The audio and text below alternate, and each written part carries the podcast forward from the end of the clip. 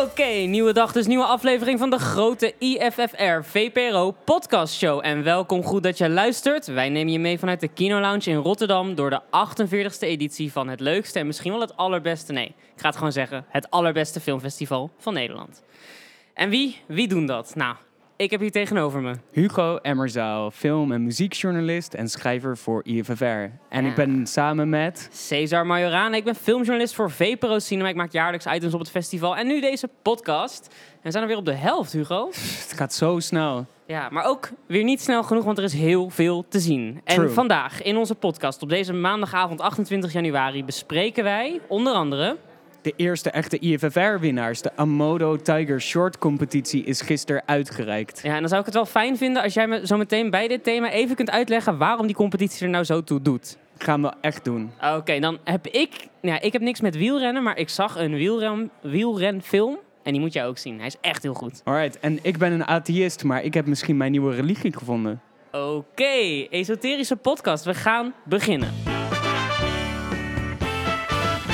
En natuurlijk zijn wij niet de publieksfavorieten van het festival vergeten. Die gaan we aan het einde van de aflevering zeker bespreken. Maar voordat we dat doen, wil ik nu eerst de officiële winnaars van het filmfestival belichten. Gisteren zijn namelijk de Amado Tiger Short Films uitgereikt. Er was een competition eh, in de korte filmselectie en er zijn drie winnaars uitgekomen. Dus drie winnende korte films. Ja, ongeveer 25 korte films zijn genomineerd geweest. En denk bij een korte film aan iets tussen de 1 en de 65 minuten. Dus dat is echt eh, grote variëteit. Ja. Drie daarvan hebben gewonnen. Gisteren is de uitreiking geweest op zondagavond. En wij weten dus nu ook de winnaars. Dat zijn One Pin's Fables nummer 1 van One Pin. Ultramarine van Vincent Meesen. En Freedom of Movement van Nina Fischer en Maraon El Sani. Wij hebben ze gezien en we gaan ze zo meteen ook bespreken. Maar eerst, wat hebben die mensen gewonnen? Want je wint dan de Amodo Tiger Short Competition. Wat win je precies? Nou, sowieso eh, is het een behoorlijk prestigieuze prijs. Je bent een echte Tiger-winner, want dit is een van de Tiger Competitions van het IFFR.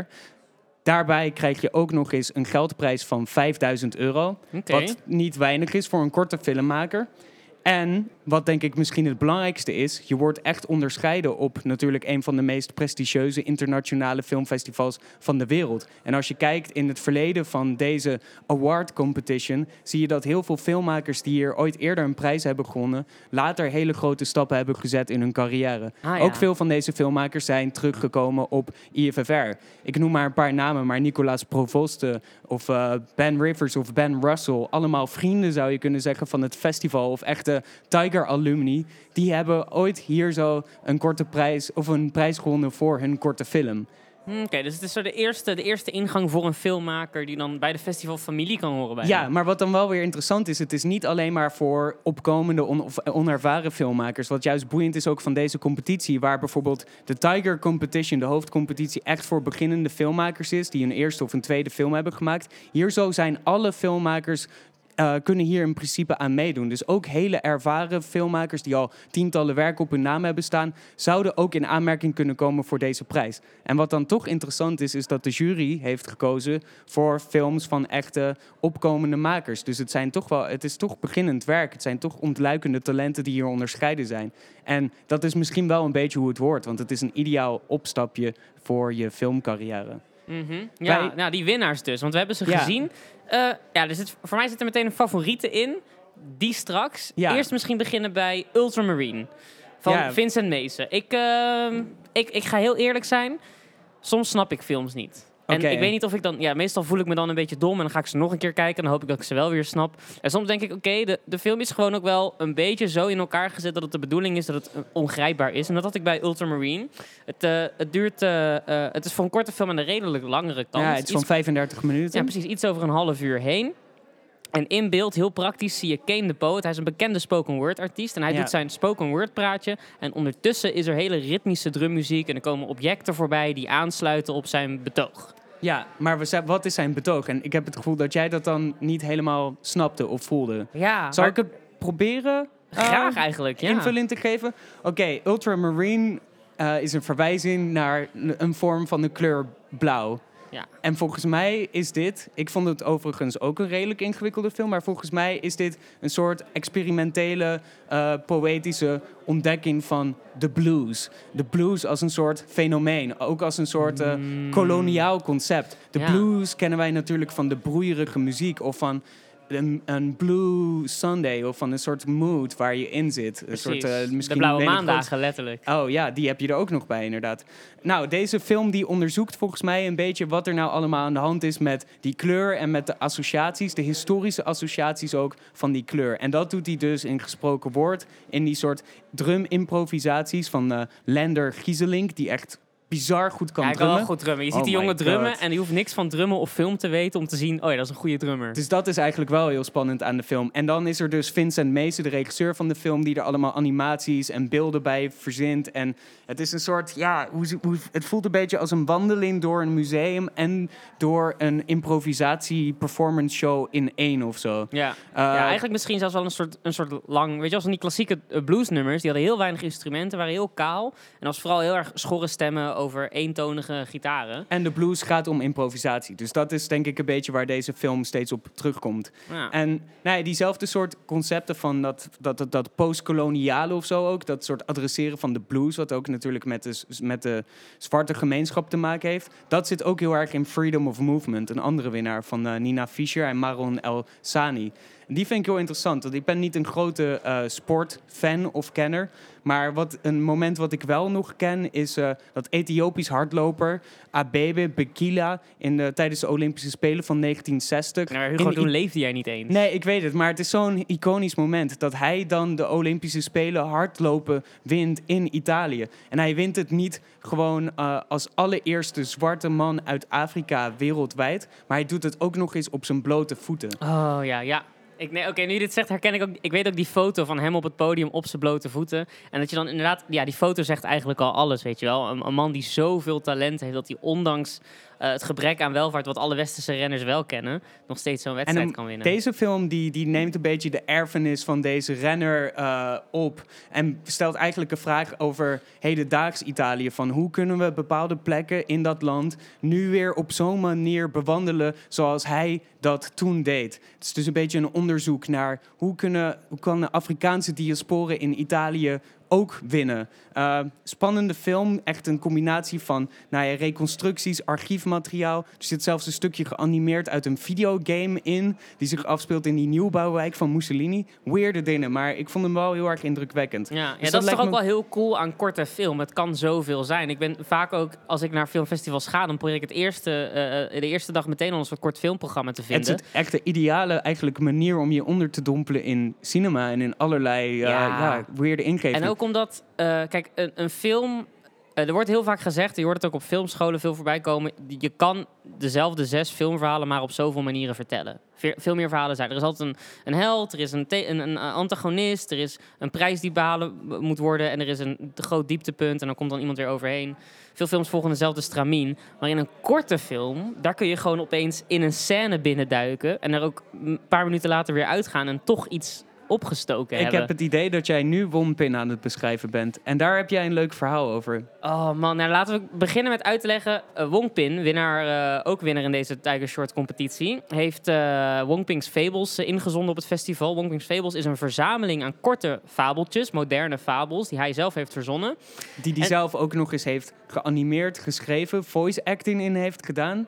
Ja, ja, want Wong Ping is een animator. En hij is een animator van de, meest, de nieuwste vorm. Hij is digitaal, hij is kleurrijk, hij is agressief. Er zitten glitches in, maar de glitches zijn geen glitches, het zijn bewegingen. Het En- lijkt een soort animatie uit een ander universum te zijn. ja, inderdaad. Het is Zo een alternatief digitaal universum. Ja, maar alle hoofdpersonages zijn dan weer totaal niet eh, Het digitaal. zijn gewoon olifanten. Een olifant, een eh, boom, een kakkerlak. Ja. eh, Maar weet die personages zo menselijk te maken. En dat is zo speciaal aan zijn werk. Het is, de, de, de, de wolken zijn paars en de, en de, de, de kopjes, de melk zijn eh, groen gekleurd. Maar op een, of andere, op een of andere manier is die film wel heel down to earth. En heel persoonlijk en heel echt. En dat komt puur en alleen omdat hij zo'n goed gevoel heeft voor, ja, voor de wereld. Hij heeft een keer een korte film. En dat is echt een goede tip voor de mensen die deze podcast luisteren en niet op het festival zijn. Google nu Een Emo Nose van Wong Ping. Je schrijft het precies zoals je denkt, Wong Ping. Hij heeft ook een korte film gemaakt. En die gaat dus gewoon over dat zijn neus besluit van hem weg te lopen. Ja. Nou, dat soort korte verhalen zitten dus ook in Wong Ping's Fables. En is in mijn ogen een terechte winnaar. Mijn tip vandaag, Hugo. Ik zag de film Coureur. En jij hebt hem volgens mij ook gezien, hè? Ja, van Kenneth Merken. Ik heb zelfs de regisseur geïnterviewd. Wat ik heel leuk vond, want ik ben geen wielren-fan. Ik vind het dan veel leuker om het over een verhaal en over mensen te hebben. En ik denk dat, dat, waar, dat daar deze film ook perfect voor geschikt is. Ook als je niet van wielrennen houdt. Want even een synopsis. Coureur, Ja. de film van Kenneth Merken, gaat over een jongen wiens vader wielrenner was, maar net geen pro.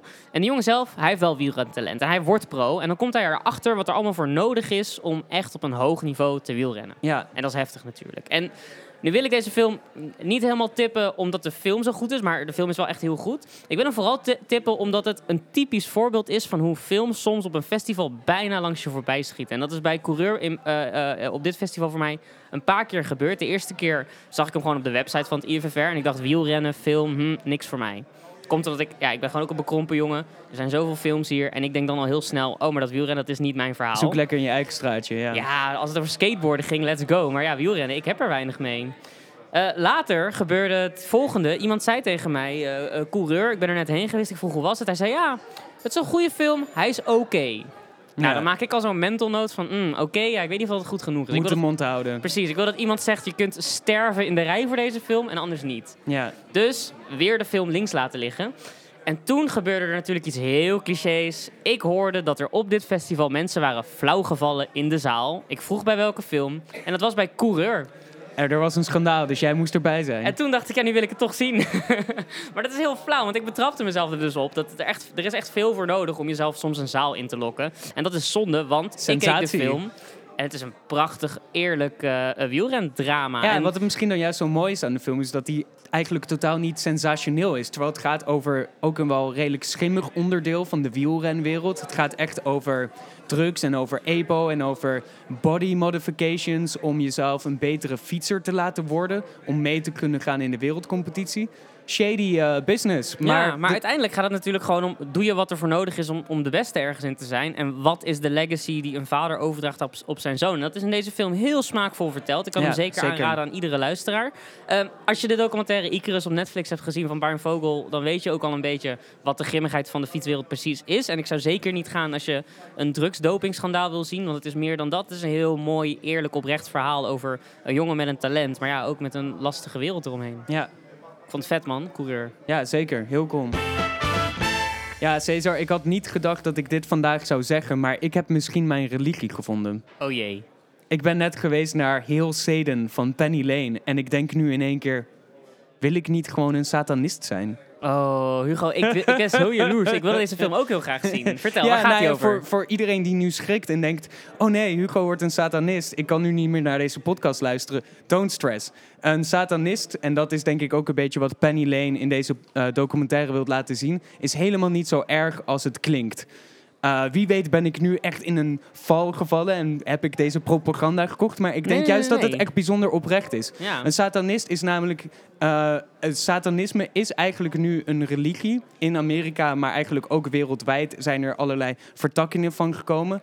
Die niet per se staat voor het omarmen van een god aan zich, maar meer is voor het omarmen van, eh, laten we zeggen, religieuze pluriformiteit. Of sowieso ervoor zorgen dat de staat echt seculier blijft. Dus dat de staat niet zegt, dit is een christelijk land.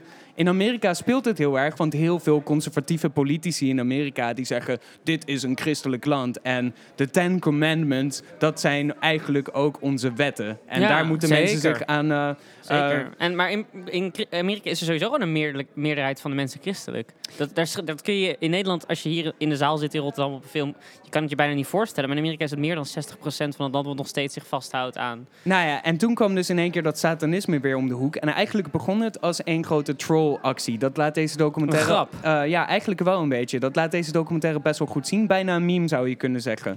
Ehm, satanisme kwam eigenlijk een beetje eh, op de scene... om eh, dus een, op bepaalde momenten de Amerikaanse politiek een beetje uit te dagen. Een beetje te prikken. Zo van, ja, als jij allemaal christelijke iconografieën gaat doen rondom politieke gebouwen... dan suggereer je eigenlijk dat religie en politiek met elkaar verbonden zijn. Ja. En als jij dan alleen maar christendom omarmt, dan heb je eigenlijk helemaal geen ruimte vrij voor wat er in de grondwet staat. Vrijheid van meningsuiting en vrijheid van persoonlijke religieuze, religieuze keuze wat begon als een soort protestactie, is langzaam uitgegroeid tot een grote, uh, ja, zou je kunnen zeggen, religie, vereniging, maar vooral een soort van groepering van mensen die zich niet uh, gerepresenteerd voelen in Amerika. Dus de, de, echt in de documentaire komen mensen voorbij die, weet je wel, uh, queer zijn of trans of die uh, gewoon wat anarchistischer zijn of die op een andere manier denken over hoe de politiek en religie in Amerika mhm. samenkomen.